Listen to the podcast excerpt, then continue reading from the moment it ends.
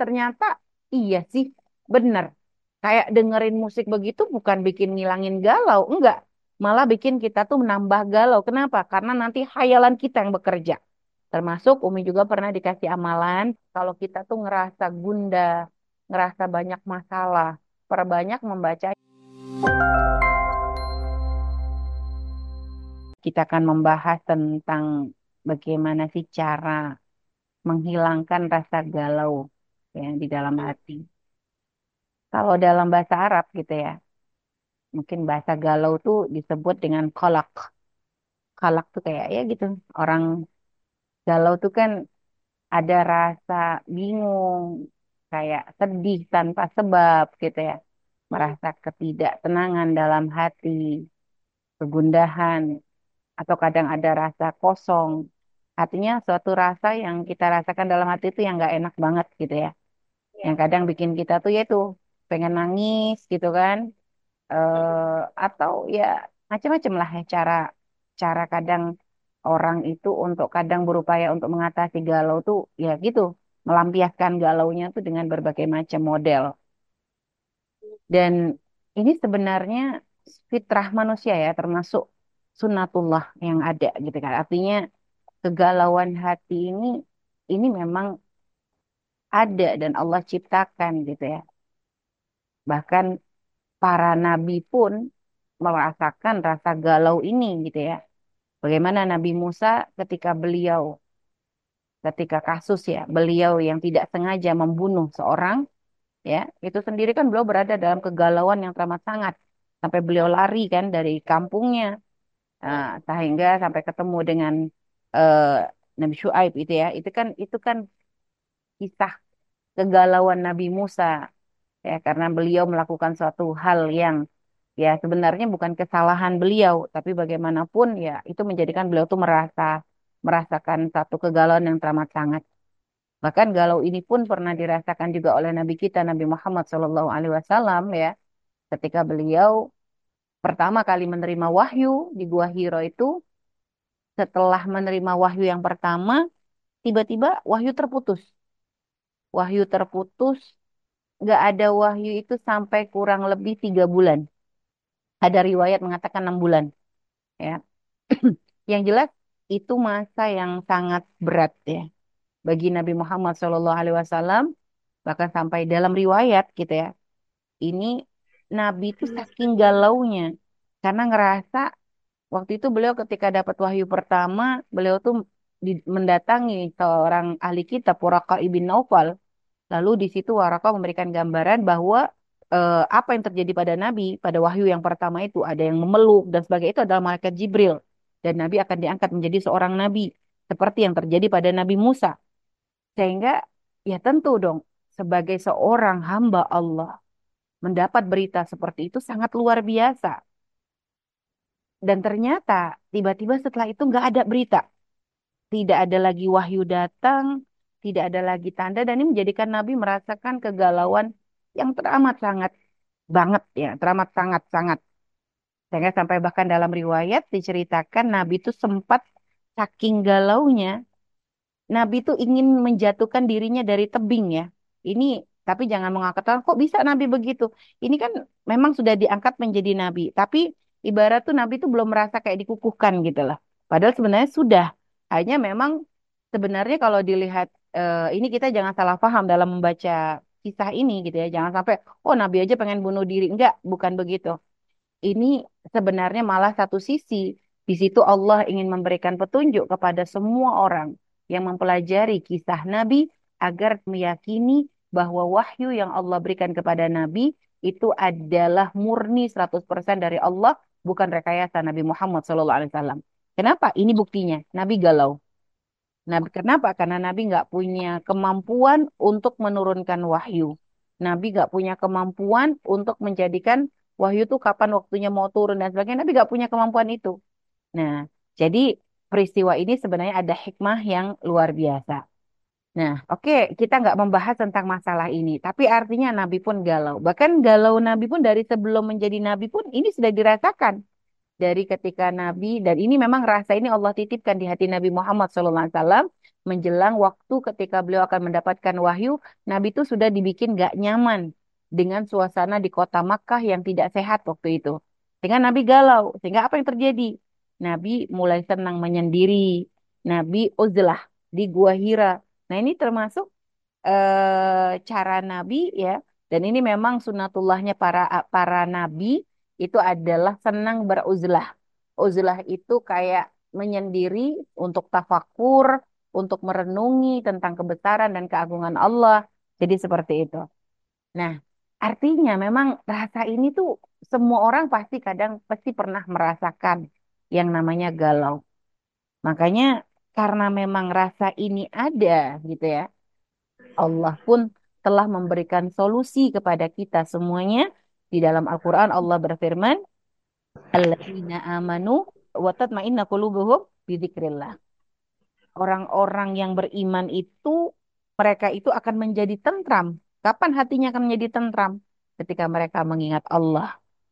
Ala bidzikrillahi tatmainnul qulub. Bukankah dengan mengingat Allah kita itu akan merasakan ketenangan. Nah, itu sebenarnya jawaban dari syariat dari Allah Subhanahu wa taala yang menciptakan manusia. Allah tahu, Allah memberikan di dalam diri manusia itu ada hati. Yang hati itu kalau tidak diperbaiki bahaya banget. Makanya di dalam hadis Nabi, Nabi bersabda, "Ala wa inna fil jasadi mudghah." Ya. Idza saluhat saluhal jasadu kulluh wa idza fasadat fasadal jasadu kulluh. Jadi kata Nabi, bukankah di dalam diri manusia ada mudghah segumpal darah, maksudnya hati. Yang kalau itu benar bisa bikin benar semuanya, kalau salah, kalau jelek ya rusak akan merusak seluruhnya. Nah, artinya kegalauan ini termasuk sesuatu yang bisa merusak hati. Karena galau ini kalau tidak diobati, kalau dibiarkan berlarut-larut, ini akan menjadi bisa-bisa menjadikan seorang tuh nanti masuk mempunyai penyakit namanya penyakit stres, depresi dan sebagainya. Ini kan dari galau yang terus-menerus. Ya, dari galau yang dibiarkan, dari galau yang tidak menemukan pencerahan, tidak menemukan solusi. Nah, ini nanti membawa penyakit namanya stres, nanti depresi. Sampai akhirnya apa? Sampai kadang subhanallah, ada yang sampai menyakiti diri sendiri, ya, ada sampai nanti melarikan diri dengan minum-minuman keras atau naudzubillah melampiaskan dengan seks bebas dan sebagainya. Ini sebenarnya yang terjadi itu mereka tuh ingin menghilangkan kegalauan, tapi nggak ngerti caranya. Mereka nggak ngerti caranya sehingga mengambil cara yang salah. Sehingga ini makanya sangat bahaya banget. Makanya subhanallah kegalauan ini nggak boleh kita biarkan terus-menerus. Ya, karena kalau sudah hati itu penuh terus dipenuhi dengan namanya rasa galau, itu nanti akan menjadikan kita itu menjadi orang yang lemah. Kalau sudah kita menjadi orang yang lemah, setan itu gampang masuk. Makanya akhirnya tadi seperti yang Umi sampaikan, banyak orang karena dalam kondisi hati lemah, setan pun mulai menjerumuskan, mengajak untuk melakukan hal-hal yang kadang membahayakan dirinya. Coba bayangkan, orang yang menyakiti tangannya, lihat. Ini apa sebabnya? bukan mereka dia tahu ini sih sakit gitu loh. Cuma dia nggak punya solusi. Dia merasakan dirinya tuh hatinya tuh udah sakit gitu. Sehingga dia tuh butuh sakit yang lebih lagi. Lihat. Kenapa? Ya tadi, karena dia nggak menemukan solusi. Hatinya lemah sehingga setan lah yang bermain. Itu juga tadi dengan minum-minuman keras. Orang coba, orang yang senang dengan minuman keras hampir rata-rata tujuannya apa? Menghilangkan kegalauan pengen lepas dari semua masalah. Mereka pengen pengen lupa gitu dengan semua permasalahan yang bikin mereka tuh nggak bahagia.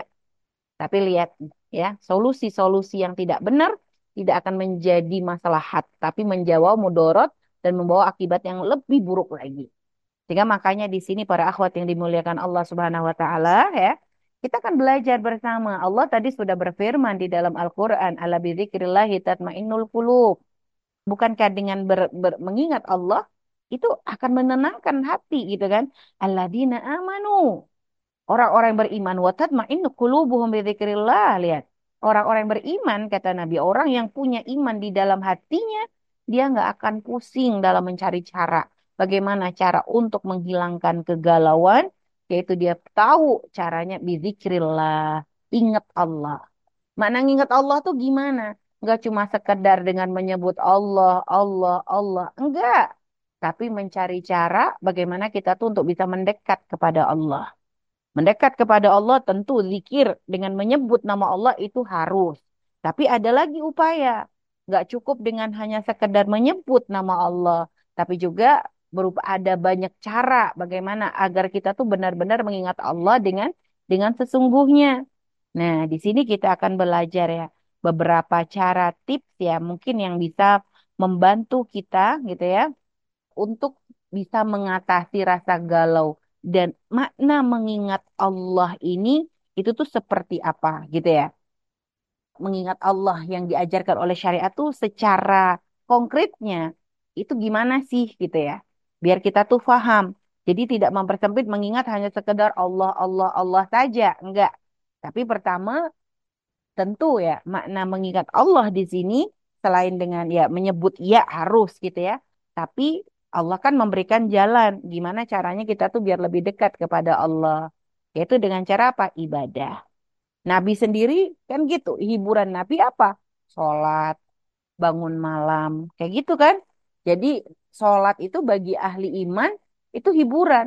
Kalau lagi sumpah, lagi pusing, udah dia langsung ambil wudhu, dia langsung menggelar sejadah, dia langsung menghadap Allah Subhanahu wa taala, dia melakukan sholat, di situ dia mengadu kepada Allah, mengeluhkan semua urusannya kepada Allah. Lihat, orang kalau punya solusi ini, dia akan merasakan ketenangan. Ya, ini salah satu. Ya, dia juga termasuk ini kan eh, ini tambahan mau sholat sunnah, tapi yang wajib jangan ditinggal. Jadi dengan orang yang selalu, coba orang yang selalu berupaya melakukan sholat lima waktu. Makanya coba kalau kita coba kita renungi, sholat lima waktu tuh Allah pilih di waktu-waktu yang tepat banget gitu ya. Bangun tidur nih, pagi subuh nih. Nah kita biar fresh. Kalau bangunnya coba, kita aja yang head nih ya, coba yang para akhwat yang kalau lagi halangan, bangun kesiangan, itu rasanya nggak enak loh. Ya, Walaupun kita kita gak ada kewajiban sholat, kita bangun jam misalnya biasa bangun jam setengah empat jam empat gitu. Nggak taunya kalau lagi head kita bangun jam enam, itu rasanya sudah nggak nyaman. Jadi memang bangun pagi itu ada sesuatu gitu, bikin kita lebih fresh, pikiran kita jadi lebih terang, lihat ya. Maka saat itu lihat Allah bangunkan, Allah perintahkan kita untuk sholat. Terus nanti kapan lagi? Ada waktu sholat lagi duhur. Setelah kita beraktivitas nih dari pagi sampai zuhur nih, capek-capeknya gitu kan. Lagi udah capek-capek penat apa? Eh dikasih kita nih. Ada waktu rahat, waktu kita kembali menghadap Allah Subhanahu wa taala. Setelah itu apa? Nanti dari zuhur nih, udah menjelang asar juga gitu ya. Artinya kita pun diajak untuk tidak lupa kembali kepada Allah Subhanahu wa taala waktu asar gitu ya. Jadi kayak di semua waktu tuh jangan boleh kita tuh ada yang terlewat untuk kita mengingat Allah Subhanahu wa taala. Nanti malam lagi maghrib gitu kan, menjelang pergantian antara siang ke malam, diingatkan lagi kita nih, ayo ingat lagi kepada Allah ya dengan sholat maghrib. Isya sebelum kita rahat panjang ya untuk istirahat malam dan sebagainya, kembali kita diingatkan untuk kembali mengingat Allah. Lihat, ini waktu-waktunya tuh luar biasa banget. Dan ini subhanallah ya, rahmat bagi umat Nabi Muhammad dari sholat yang 50 kali dalam sehari. Kayaknya kalau sampai sholat kita 50 dalam sehari, galau mulu kita nih. Bingung. Terus-terusan kita nggak bisa beraktivitas. Tapi lihat, dengan rahmat Allah dibuat jadi lima kali dalam sehari, dipilih di waktu-waktu yang luar biasa, yang kalau orang istiqomah di dalam melakukannya, lihat, dalam keadaan dia capek, ada waktu rahat, yaitu untuk untuk mengingat Allah. Setelah itu apalagi solusi yang bisa kita jadikan upaya untuk kita tuh biar nggak biar nggak galau kita punya hiburan ya. Kalau sebagian kalau orang di luar Islam menjadikan musik klasik sebagai alat penenang ya karena memang musik itu ibadahnya mereka. Ya, orang hamil suruh dengerin musik klasik. Orang stres caranya dengerin musik klasik karena memang ibadah mereka tuh kan musik gitu loh. Nah, kita orang Islam jangan latah. Kita sudah punya lantunan-lantunan indah, malah kita ngikut mereka pakai musik klasik. Ya nggak ketemu judulnya. Jadi hiburan kita bukan dengan musik. Ada bahkan sebagian akhwat yang mungkin subhanallah udah kecanduan musik sehingga kadang Kayak musik tuh belum tidur, denger musik sambil bahkan sambil ketiduran. Ini lihat, dia kan sering merasa galau semua karena musik ini bukan bukan sesuatu yang bisa menghilangkan kegalauan, tapi malah menjadikan seorang bisa ber- berhayal. Lihat, kalau kita kebanyakan denger musik ya, itu akan menjadikan kita tuh menjadi penghayal. Kita jadi, wah pikiran kita jadi macem-macem. Akhirnya menjadikan kadang kita nggak syukur dengan keadaan kita saat ini. Lihat, Umi pernah ya mengalami masa, waktu masa remaja ya. Waktu masa remaja sempat, sempat ya namanya anak-anak remaja begitu kadang ya aktivitas di sekolah, apalagi kalau kita udah ikut grup band dan sebagainya gitu kan. Jadi kadang kita jadi suka ngafalin lagu, dengerin lagu, sebagainya. Sempet waktu itu kita sempat merasa kayak agak agak nyandu gitu. Jadi tidur kalau nggak dengerin musik nggak bisa gitu ya. Sampai teringat seorang sahabat ngingetin. Dia bilang, Virus katanya, kamu apa nggak takut katanya dengerin musik tuh sampai sampai ketiduran.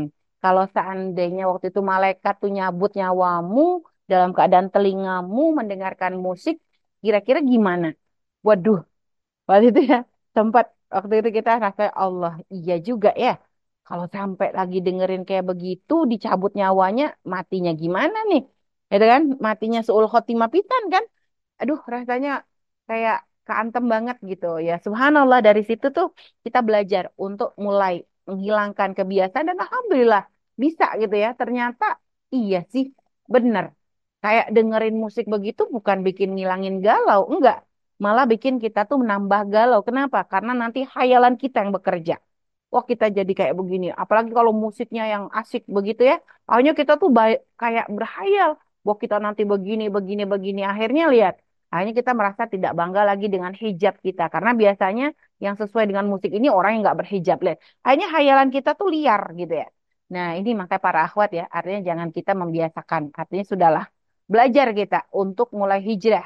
Mulai hijrah gitu ya. Kalau memang belum bisa ninggalin musik banget ya rubahlah ke yang religi. Kalau memang ya syukur-syukur kalau sudah benar-benar hijrah bagus. Akan tapi yang paling luar biasa bagi seorang mukmin, bagi seorang muslimah ketika bisa mengalihkan kepada apa? Lantunan ayat-ayat Al-Qur'an. Itu kan suatu yang luar biasa. Al-Qur'an itu benar-benar obat hati. Jadi walaupun bagi yang tidak memahami maknanya, itu nggak akan menjadi sesuatu yang sia-sia. Makanya ada seorang anak itu kan bertanya kepada kakeknya, Kek, ngapain sih kita tuh baca Quran? Kita juga nggak paham-paham banget kok. Kita nggak paham maknanya karena kita juga ya kadang eh, nggak semua orang benar-benar mempelajari makna isi dari Al-Quran hanya sekedar kadang bisa baca kan gitu ya. Nah, Akhirnya kata kakeknya, coba cu, katanya, kamu bisa enggak? Itu tuh ada keranjang di depan, coba kamu pergi ke sungai, gitu kan? Ambil air pakai keranjang itu, dia bilang kan? Ya nggak bisa, coba aja, coba cu, katanya kan? Pergilah si cucu tuh ngambil air pakai keranjang. Ya jelas nggak bisa, bolongnya segitu banyaknya baru diangkat, udah turun semua airnya. Ambil lagi, ambil lagi, sampai capek dia kan? Ngadep ke kakek nggak bisa, kek. Ini nih bolong nggak bisa gitu. Untuk ngangkat air nggak bisa. Ya sudah berarti untuk ngambil air nggak bisa ya cuy ya nggak bisa. Tapi lihat sekarang bedanya keranjang tadi sama yang awal ketika awal kamu masukin ke dalam air sama sekarang. Nah, jadi lihat oh iya tadi keranjangnya kotor. Sekarang jadi bersih. Jadi maksudnya apa paling sedikitnya manfaat Al-Quran walaupun kita tuh nggak paham maknanya oke kita nggak dapat ilmunya mungkin kita karena kita nggak paham dengan apa yang ada di dalam Al-Quran, menjadikan kita nggak bisa mengambil ilmu hikmah yang ada di dalam Al-Quran. Tapi ternyata, walaupun kita nggak sampai benar-benar bisa memahami isi di dalam Al-Quran, ternyata min i'jazil Quran, termasuk di antara mukjizatnya Al-Quran, ketika dibaca oleh seorang hamba, itu akan membawa kepada ketenangan hati, akan menjadikan hati lebih bersih. Ya kayak tadi keranjang tadi nggak bisa tampung air, tapi keranjangnya menjadi bersih karena dicuci terus-terusan. Ya begitulah hati orang yang eh, hatinya orang yang selalu diberi eh, lantunan ayat-ayat Al-Qur'an. Jadi para akhwat yang dimuliakan Allah, seandainya para akhwat belum bisa nih paham Al-Qur'an, jangan kecil hati, baca aja gak akan ada ruginya membaca Al-Quran ya karena di situ memang ada lantun eh, ada ada banyak keindahan bahkan di zaman di zaman Nabi pun orang-orang kafir Quraisy demen. Mereka tuh seneng dengar bacaan ayat-ayat Al-Quran Nabi. Karena memang indah. Memang indah. Bahkan mereka tuh sampai terbengong-bengong. Mereka sampai kadang tercengang dengan lantunan-lantunan kalimat-kalimat yang ada di dalam di dalam Al-Quran. Bahkan termasuk ya si Abu Jahal tuh yang sebegitu sentimennya dengan Nabi, begitu jahatnya dengan Nabi, dia tuh paling sering nguping bacaan Al-Qur'annya Nabi Muhammad wasallam. Hanya kesombongan menjadikan dia nggak bisa dapat hidayah. Nah, itu ya, karena memang dia kan belum belum Islam. Nah, tapi bagi kita seorang ahli iman, Al-Qur'an itu punya efek yang luar biasa.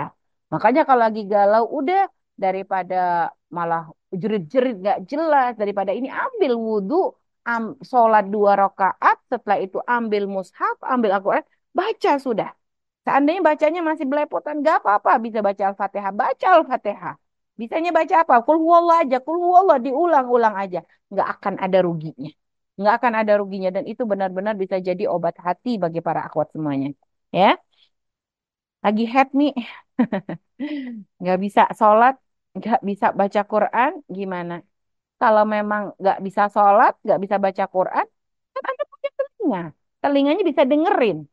Ya sudah, kalau gitu gimana? Setel aja Al-Quran. Murotal, dengerin aja. Walaupun Anda nggak paham, dengerin aja sudah. Insya Allah nanti akan benar-benar Anda merasakan ketenangan. Jadi gitu, ada solusi. Insya Allah bisa menjadi satu cara gitu ya. Eh, bahkan dikatakan, kata Sayyidina Ibnu Mas'ud, yang memberikan nasihat, kalau ada fase di mana kita merasakan ketidaktenangan hati, maka ada tiga tempat yang bisa kita kunjungi. Yang pertama apa? Tempat orang membaca Al-Quran. Kalau bisa engkau baca. Kalau nggak bisa datangi tempat orang membaca Al-Quran. Ya, itu yang pertama. Yang kedua, pergi mencari majelis ilmu Eh, termasuk resep dari Sayyidina Ibnu Mas'ud ya termasuk makna makna mencari hiburan dengan Quran atau dengan ingat Allah ini bukan hanya sekedar Quran saja yaitu tadi dengan Quran langsung iya tapi mendatangi majelis ilmu pun ternyata menjadi solusi. Datangi majelis ilmu karena di situ kita akan menemukan pencerahan, nasihat dan sebagainya. Bahkan para sahabat pun begitu. Para sahabat selalu menjadikan duduknya bersama Nabi adalah hiburan. Walaupun kata sahabat ngadu sama Nabi, Nabi, kami tuh kalau udah habis apa, kalau lagi duduk bersamamu, kami tuh ngerasa kayak, uh, udah kayak gimana gitu ya, kayak kayak kalau charger tuh 100% gitu ya. Tapi begitu pulang ke rumah, mulai nih balik lagi nih, mulai balik lagi ngerasa ada masa kadang iman kami turun, merasa kadang merasa gundah. Ya itu dirasakan, sahabat ngerasakan hal gitu. Cuma mereka lihat solusinya gimana? Ya nggak bosan-bosan dong datang nemuin Nabi. Nah sekarang kita nggak ada nih solusi begitu. Kita nggak bisa datengin Nabi. Tapi ada majelis-majelis yang dibuat yang di situ menyambungkan kita dengan Nabi Muhammad Shallallahu Alaihi Wasallam. Majelis yang Nabi gambarkan sebagai taman surga. Lah, maka kita datangi itu sama seperti kita mendatangi Nabi di zaman sahabat. Cuma beda versi gitu ya. Nah, terus ketiga gimana? Kalau masih belum, kalau ini termasuk solusi, kalau belum juga misalnya, maka cari tempat-tempat yang sunyi gitu ya. Lalu berkhulwat dengan tafakur tadi. Tapi ingat ya, jangan salah. Kalau misalnya jangan tempat yang angker. ya kalau nanti ke tempat angker bukan bukan bisa ini malah jadi kerasukan. Cari tempat-tempat yang subhanallah ya kita coba kira-kira yang nggak terganggu gitu. Tapi jangan ngelamun. Jangan ngelamun, merenung. Merenung itu coba mengingat kebesaran Allah. Ya Allah, iya ya. Kenapa kok harus galau gitu? Jadi kayak bertanya apa ya? Ber, kayak tafakur. Tafakur tuh merenung tuh bukan ngelamun ya. Kalau ngelamun tuh kan bengong, nggak ngerti bahasa apa. Kalau tafakurku enggak. Mengajak kita tuh komunikasi dengan Allah Subhanahu wa taala. Ya, agar kita tuh menjadi orang yang bisa bisa mensyukuri nikmat. Kayak Nabi waktu itu cara merenungnya gimana? Mensyukuri nih. Ya Allah, segitunya ya ciptaanmu gitu kan nih langit bumi semuanya. Yang kau berikan kepadaku tuh nikmatnya banyak gitu kan. Tapi kenapa aku kok masih belum syukur? Jadi kayak mengajak kita tuh untuk kayak apa ya berkomunikasi. Jadi merenung tuh begitu. Merenung itu membesarkan nikmat Allah lalu memupuk rasa syukur di dalam diri yang nantinya dari situ kita akan mendapat solusi ketenangan hati. Gitu ya. Jadi merenung itu juga termasuk cara ya tadabbur alam kayak gitu ya. Tapi tentu jangan sampai dibarengi dengan hal-hal yang melanggar Allah Subhanahu wa taala. Terus yang ketiga, cara mengobati galau gitu ya. Cara mengobati galau gimana? Kuatkan prasangka baik kita kepada Allah Subhanahu wa taala. Gitu loh. Kita sadari banyak-banyakin aja baca ini. Baca akhir surat Baqarah. Apa? Yang akhir surat Baqarah. Allahumma sholli Muhammad. La yukallifullahu nafsan illa wus'aha. Laha ma kasabat wa 'alaiha ma iktasabat. Rabbana la tu'akhidna in nasina wa akhtana. Rabbana wa la tahmil 'alaina isran kama hamaltahu ala ladina min qablina. Rabbana wa la tuhammilna ma la taqata lana bih. Itu sebenarnya di dalam di dalam firman Allah itu kan itu permohonan kita. Rabbana uh, jangan kasih kami hujan yang kami itu nggak mampu ya Allah gitu loh. Itu sebenarnya curhatnya kita dengan Allah. Banyak-banyakin aja baca itu. Kalau kita lagi galau gitu kan ya Allah. eh, jadi di situ untuk menghadirkan satu husnudon kepada Allah Subhanahu wa taala. Dan juga di dalam surat Alam-Nasr Al-Qasodrak lihat sesungguhnya harus kita yakini bahwa bersama kesulitan di situ Allah berikan kemudahan. Dan berapa banyak Allah memberikan satu kesulitan tapi dibalas dengan kemudahan yang besar. Nah, ini makanya prasangka baik. Coba kita belajar kepada sejarah Nabi Muhammad Shallallahu Alaihi Wasallam. Bayangkan masa-masa berat Nabi Muhammad Shallallahu Alaihi Wasallam ketika beliau waktu itu diboykot selama tiga tahun berturut-turut. Sampai efek dari boykot menjadikan orang-orang yang beliau cintai sakit parah. Sayyidah Khadijah kondisinya langsung menurun. Abu Talib juga paman beliau pun langsung menurun. Dan ternyata tidak lama setelah pemboikotan, orang yang punya peran besar dalam dakwah Nabi dipanggil oleh Allah. Nggak berjauhan waktunya. Abu Talib terlebih dahulu meninggal. Sedih Nabi. Apalagi eh, paman Nabi ini, dan Abu Talib. Subhanallah, kita meyakini beliau adalah orang yang ahli iman insya Allah. Hanya beliau tidak mengucapkan kalimat syahadat gitu ya. Tapi beliau insya Allah adalah ahli khair. Karena bagaimana beliau meyakini dengan apa yang dibawa Nabi, itu kan iman sebenarnya. Kesalahan beliau tidak mengucapkan dua kalimat syahadat. Kita prasangka baik kepada beliau. Ya. Dan beliau waktu itu di, diajak sahadat gak mau, gak berucap. Nah itu ya. Artinya ya itu menjadikan Nabi itu kan sedih banget. Eh gak lama begitu disusul lagi meninggal istri yang sangat beliau cintai. Yang sama ini punya peran besar. Selalu menjadi penghibur Nabi, penyejuk mata Nabi. Yang selalu membahagiakan Nabi, penguat Nabi dan sebagainya. Bayangkan, kebayang nih hatinya Nabi nih pada waktu itu. Seperti apa rasanya nih. Ya Allah, di saat beliau membawa tanggung jawab yang luar biasa, harus ditinggal oleh orang-orang yang sangat beliau cintai. Nabi terpukul, Nabi merasakan sedih, galau dan sebagainya. Pasti ini dirasakan, ya. Apalagi setelah itu apa? Nggak cukup di situ ujian Nabi. Ternyata masih diuji lagi, tambah lagi sama Allah ujiannya nih. Karena Allah sangat cinta dengan Nabi. Kasih lagi ujian. Apa? Dakwah Nabi semakin lebih sulit lagi. Kenapa? Karena selama ini orang-orang masih sungkan sama Abu Talib. Gara-gara Abu Talib wafat ya, maka gak ada lagi orang sudah nggak pakai lagi jaga perasaan Nabi, mereka berbuat lebih dolim lagi. Padahal dulu udah jahat, lebih jahat lagi, subhanallah. Makanya disebut Amul Huzan. Kenapa? Karena selain Nabi kehilangan, Nabi pun merasakan semakin beratnya dakwah. Belum lagi setelah itu apa? Nabi coba berdakwah ke Taif. Ternyata balasannya Nabi dilempari batu dan sebagainya. Sampai Nabi berdarah-darah. Malaikat aja sampai geram. Malaikat aja sampai greget sama ahli Taif. Ya Rasulullah perintahkan aku jatuh ini. Nabi bilang jangan gitu kan. Nabi tetap berupaya untuk prasangka baik gitu kan. Karena aku berharap kata Nabi nanti dari sulbi-sulbi mereka ada orang-orang yang berasyhadu alla ilaha illallah wa asyhadu anna Muhammad Rasul. Ada orang yang akan beriman kepada kepada Allah. Tuh lihat, prasangka baiknya Nabi setelah mendapat perlakuan seperti itu, Nabi masih berharap akan ada orang yang nantinya menjadi ahli iman dari orang-orang Taif. Lihat, Subhanallah lihat. Setelah itu apa yang diberikan oleh Allah? Balasan dari kesabaran Nabi Muhammad SAW dengan ujian-ujian-ujian tadi Nabi gak menghujat Allah tidak menyalahkan Allah. Bahkan dalam keluh kesahnya Nabi pun sama sedikit pun tidak menyalahkan Allah. Beliau hanya mengadukan kelemahannya kesedihannya. Cuma Nabi menutup ya Allah asalkan semua yang terjadi padaku ini bukan karena engkau murka kepadaku fala ubali kata beliau yang penting bukan karena engkau benci ya Allah. Yang penting bukan karena engkau marah kepadaku. Aku nggak peduli ya Allah. Aku nggak peduli kata Nabi kan. Walaupun diuji seberat apa pun. Ya, prasangka baik. Prasangka baik karena beliau tahu Allah nggak akan meninggalkannya. Ya, yang penting bukan karena engkau marah. Maka ujian seberat apa pun Nabi siap gitu kan menerimanya. Lihat.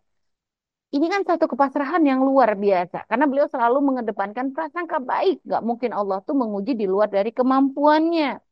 Subhanallah. Akhirnya apa? Dikasih hadiah oleh Allah Subhanahu wa taala, dikasih hiburan yang luar biasa. Apa? Perjalanan Isra dan Mi'raj. Perjalanan Isra dan Mi'raj suatu perjalanan yang luar biasa sampai Nabi pun mendapatkan kesempatan untuk bertemu dengan Allah Subhanahu wa taala dengan cara yang Allah yang paling tahu. Di satu tempat yang itu tempat yang Allah siapkan khusus untuk pertemuan dengan Nabi Muhammad wasallam. Ya, untuk ber, masalah bertemu ini nanti pembahasan kita nggak bahas di sini. Mungkin bisa melihat kalau pengen kayak gimana sih pertemuannya tuh seperti apa. Kayak gitu kan? Ya, tinggal mungkin lihat dari video-video Buya ada ya tentang masalah ini supaya kita nggak salah. Karena ada yang menganggap kayak Allah tuh sama Nabi bertemunya kayak tatap-tatapan kayak jangan berhajat, nggak ada. Laisa kamitslihi syai'un. Allah nggak bisa disamakan dengan segala sesuatu. Jadi jadi jangan hayal kita kayak kayak Allah dengan Nabi tuh ketemu dalam satu tempat adab-adaban enggak bertemunya dengan cara yang Allah yang paling tahu. Yang jelas di satu tempat yang di situ memang Allah siapkan khusus untuk Nabi Muhammad dan tidak ada makhluk satupun yang masuk kecuali Nabi Muhammad Shallallahu Alaihi Wasallam. Bahkan mereka Jibril pun nggak mampu masuk. Lihat, ini adalah keistimewaan. Nah, setelah itu apa? Dikasih lagi hadiah apa? Hadiah sholat. Nah, itu kan luar biasa banget nih hadiah sholat. Sama ini ada sholat tapi belum yang kayak ini banget, hanya di pagi dan petang. Belum belum yang kayak resmi-resmi banget. Tiba-tiba setelah Isra dan Mi'raj dikasih nih sholat lima waktu. Itu kan luar biasa. Setelah itu apa lagi? Dikasih lagi pertemuan dengan orang-orang Ansor. Itu tidak lama terjadi setelah Isra dan Mi'raj.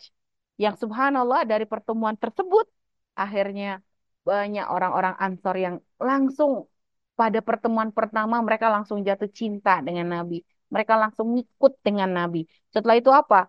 Balik lagi ke kota Madinah dan tidak lama Nabi pun mendengar hampir semua orang Madinah sudah langsung memeluk agama Islam. Padahal Nabi belum turun tangan. Nabi baru mengirimkan dutanya, ya, Sayyidina Mus'ab ibn Umar. Waktu itu dikirim, baru mengirim beliau saja, sudah hasilnya udah luar biasa nih. Lihat, ini kan kebahagiaan yang luar biasa. Sampai pada tahun berikutnya yang datang lebih banyak lagi dari orang-orang Ansor yang membaiat Nabi Muhammad SAW. Sampai subhanallah akhirnya turunlah uh, perintah dari Allah untuk Nabi berhijrah. Lihat, ini satu uh, apa ya ujian-ujian Nabi ya. Tapi setelah itu diganti dengan banyak kebaikan dari Allah Subhanahu wa taala. Dakwah yang langsung mulai memperlihatkan eh, tanda-tanda uh, ya.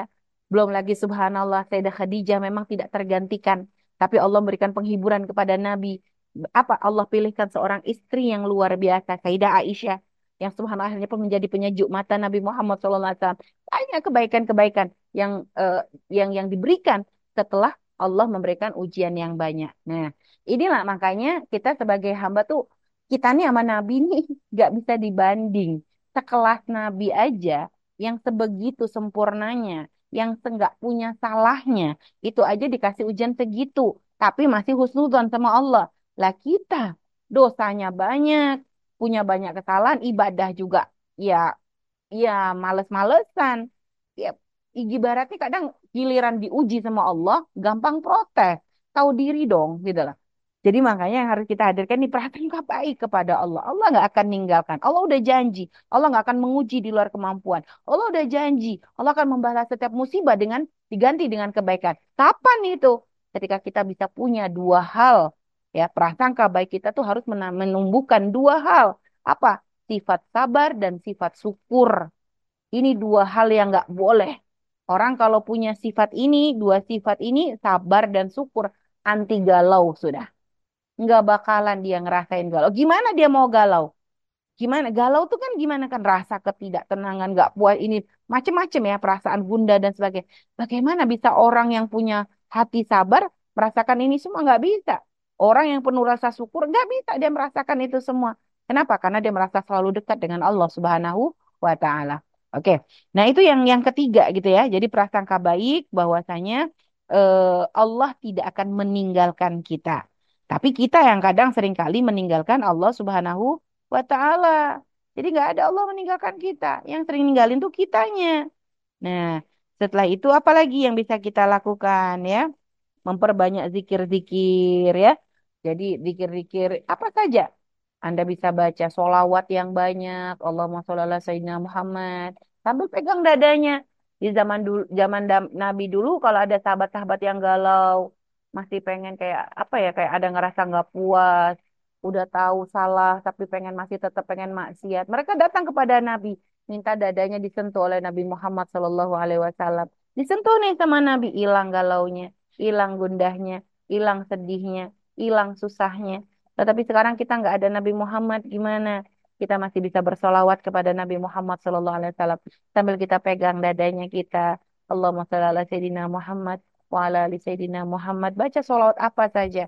Mau solawat Ibrahimiyah boleh, mau solawat Nariyah boleh, mau solawat Tibil Kulub boleh. Solawat apa aja baca sambil pegang ya Allah gitu kan. Semoga kau berikan ketenangan ini dengan baca solawat, berikan ketenangan hati. Udah, jadi pokoknya diniatkan. Hadirkan dalam hati kita. Hadirkan seakan-akan Nabi Muhammad ada di depan kita. Nah, kayak gitu ya. Berzikir. Terus apalagi banyak zikir-zikir. Membaca subhanallah, membaca alhamdulillah, membaca Allahu Akbar, membaca ya latif, ya latif, ya latif, ultuf bina. Termasuk Umi juga pernah dikasih amalan sama seseorang, sama seorang ustadz gitu ya, seorang ulama. Dia bilang, eh, beliau sendiri diberi amalan oleh gurunya ya bahwa kalau kita tuh ngerasa gundah, ngerasa banyak masalah, perbanyak membaca ya Latif, ya Latif, ya Latif. Bebas aja sih waktunya fleksibel, mau kapan aja, mau berapa banyak bebas ya Latif, ya Latif itu kan. Itu kita salah satu dari nama Allah Subhanahu wa taala, zat yang maha lembut. Artinya ultuf bina melembutlah kepada kami maksudnya biar kami tuh nggak selalu berada dalam ya kesedihan dan sebagainya. Jadi ya Latif ya Latif ya Latif. Dia bilang eh, beliau sendiri sudah ngamalin nih amalan ya Latif ini. Sehingga kalau lagi-lagi banyak masalah tuh hampir katanya. Selalu kayaknya dia bilang. Dia tuh langsung kayak mendapatkan solusi. Nah ini nih Umi berikan ke para akhwat semuanya ya. Artinya ini Umi dapat dan Umi kasih juga kepada para akhwat semoga bisa ngamalin. Baca ya Latif ya Latif. Nah termasuk juga ada seorang ulama yang ngajarin nih kalau kita tuh lagi kayak lagi ngedon ya, lagi ngedon ibadah kayak lagi agak males gitu ya, lagi ngerasa, aduh biasanya bisa baca ini berapa juz ini kok enggak, terus lagi kayak hawanya mager gitu ya, pengennya rebahan, terus ya gitu pokoknya bawaannya tuh lagi, ih lagi malas ngapa-ngapain deh gitu. Itu juga ada seorang ulama ngajarin di pagi hari ya, mungkin habis sholat subuh boleh gitu ya, baca aja Bismillahirrahmanirrahim 100 kali baca 100 kali gitu kan. Insya Allah semoga nanti menjadi sebab kita tuh jadi nasyad. Sambil husnudzon ya, husnudzon diamalkan, baca Bismillahirrahmanirrahim, Bismillahirrahmanirrahim, Bismillahirrahmanirrahim. Itu dibaca sambil diniatin semoga nanti habis itu kasih nasyad. Nasyad tuh kayak jadi kayak giat lagi gitu loh ya. Jadi gitu. Kayak gitu, itu amalan-amalan. Dan mungkin subhanallah ya, para sahabat banyak kadang dapat amalan ini itu. Boleh aja diamalin gitu ya, kita amalin ya bismillah yang bisa yang bisa diamalin diamalin. Nggak apa-apa Bismillah insya Allah dari situ eh, Allah berikan ya insya Allah husnudzon dari apa amalan-amalan tersebut gitu ya. Allah berikan banyak kebaikan dan kemudahan untuk kita semuanya. Baik ya ya berzikir ya berzikir makanya kayak membaca wirdul latif wirdul eh, rotibul haddad rotibul atas atau wirid-wirid yang lainnya mungkin akhwat dapat ijazah-ijazah dari guru-guru amalin deh Bismillah yang penting jangan biarin kosong Jangan biarin kita nggak ada pagernya. Bismillah, insya Allah diberikan kemudahan oleh Allah Subhanahu Wa Taala. Eh, setelah itu apa? Termasuk cara menghilangkan galau tuh. Jadi jangan diturutin dengan dengan apa ya? Dengan dengan kayak ya kalau tadi memang kita diajak untuk tafakur, uzlah, cari tempat sepi untuk uzlah. Tapi kalau kita nggak bisa ngontrol diri itu ju- jangan juga bahaya. Eh, tapi melarikan dengan hal-hal positif. Nah, ini yang kelima ya, tip yang kelimanya melarikan dengan hal-hal yang positif. Artinya apa? Kalau mungkin lagi galau kayak gitu, udah kalau misalnya Anda punya bakat nulis, nulis deh. Kalau ternyata nggak punya bakat nulis, ya itu tadi udah ngapain coba? Misalnya bisa masak, masak aja sudah. Atau jadi kasih aktivitas-aktivitas lain. Ya. Nah, untuk tadi yang poin yang ketiga, yang bilang eh, uzlah untuk tafakur kayak gitu ya, itu juga hati-hati. Karena kadang kalau nggak ngerti cara tafakurnya, ujung-ujung nanti malah bengong. Ini pernah pengalaman pribadi ya, Umi pernah ngalamin waktu dulu Umi Umi juga kadang cerita ke santri gitu kan supaya jangan ditiru kayak gitu tuh. Kejadian waktu di Yaman. Waktu lagi di Yaman, awal-awal jadi santri ya, di sana berangkat ke sana, kan ya namanya awal gitu kan masih proses adaptasi. Umi kewalahan untuk memahami bahasa Arabnya. Karena bahasa Arab di sana itu beda jauh dengan bahasa Arab yang Umi sering pakai waktu di Indonesia. Apalagi sana tuh ustadz-ustadznya tuh kalau ngajar tuh pakai bahasa Amiyah. Amiyah tuh kayak ada bahasa daerah gitu ya, bahasa khas Yaman yang kadang ya nggak ketemu di kamus. Cuma ya nggak bisa juga maksa mereka harus fusha karena ya ya gimana ya, kadang ya kalau kayak kita aja lah orang-orang orang Madura, orang Jawa gitu ya, walaupun kadang sudah pakai bahasa Indonesia, logat-logatnya tuh masih keluar kayak gitu dah. Nah itu tuh itu bikin kita tuh stres banget. Udah lagi kalau di kelas eh, kalau lagi di kelas tuh ya, Umi tuh sampai bengong aja ngeliatin. Ustaz nih ngomong apa, pulang-pulang nanti nangis, nggak paham pelajarannya. Itu tuh sehari-hari kayak gitu. Kerjaannya tuh kalau udah pulang dari kampus, nangis lagi. Ini tadi tuh ngomong apa, pelajarannya apa. Udah banyak perasaan yang dibahas, tapi nggak paham sama sekali. Pokoknya tuh sedih aja. Udah gitu belajar bahasa Arab dengan orang Arab, tapi kan nggak bisa instan. Prosesnya tuh panjang. Nah, saat itu tuh gitu. Udah di kelas nggak paham gitu kan subhanallahnya jatah ibu nelpon kan ada kalau dulu tuh kita nggak nggak ada handphone ya zaman Umi itu nggak ada handphone nggak ada jadi kita kalau telepon ya telepon gitu kan telepon yang kadang untung-untungan. Kalau lagi enak-enak kalau enggak kadang susah gitu. Udah gitu waktunya kadang susah nyocokin gitu ya. Karena ibu pun kalau nelpon nggak bisa dari rumah harus pergi ke wartel. Dulu tuh pakai gitu pakai wartel. Jadi kadang waktunya suka nggak cocok.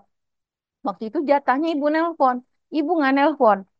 Umi itu ya Allah lagi sedih banget. Subhanallah pas lagi datang bulan juga. Nah perempuan kalau lagi datang bulan kan, aduh Masya Allah gitu ya. Kita memang ada masa-masa kita tuh kayak sedih tanpa sebab, perasaan nggak enak gitu ya. Nah akhirnya apa?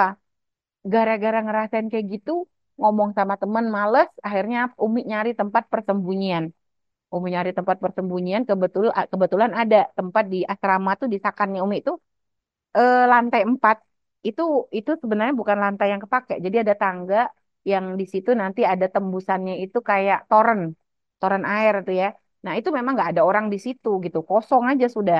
Hanya memang untuk kontrol air, kalau biasanya kontrolnya di situ. Ya karena lagi nggak pengen urusan sama orang, nggak pengen ngomong sama orang, lagi sumpek, lagi galau kayak tadi tuh. Udah, Umi sembunyi maghrib-maghrib nih. Maghrib-maghrib Umi naik ke situ, Umi diem di situ, bengong, sambil aduh perasaan galau gitu ya nge- ya ngelamun nggak ngerti cara tafakur belum paham akhirnya apa kebablasan nggak paham gimana Umi nggak tahu ceritanya cuma kata temen tiba-tiba mereka dengar orang teriak dicari rupanya katanya Umi. Uminya nggak sadar. Umi nggak sadar kata Umi itu teriak. Umi sampai gelinding dari tangga paling atas tuh sampai gelinding ke bawah. Dan Umi nggak sadar. Itu subhanallah, Umi langsung sumpah, aduh kapok sudah nggak mau lagi kayak gitu tuh. Benar-benar nggak mau lagi kebiasaan kayak gitu. Makanya Umi akhirnya kalau lagi waktu itu ya, waktu di Yaman, kalau lagi stres pelajaran, pelajaran banyak, tugas banyak, udah gitu masih jauh dari orang tua apa gitu ya, lagi galau kayak gitu, ya bisa mengalihkan dengan masak-masak. Kalau lagi nggak kiyeng masak, nggak males juga masak, akhirnya apa? Umi kadang sama teman-teman bikin permainan kayak anak kecil. Waktu itu sama teman-teman tuh, Umi main peta umpet, Umi main kayak kucing sama tikus tuh, kejar-kejaran. Udah kita pokoknya kayak anak kecil aja. Yang penting kita tuh udah ngeluarin kayak emosi negatif lah itu. Jadi kayak apa-apa yang negatif tuh kita keluarin dengan ketawa, dengan senang, dengan begitu.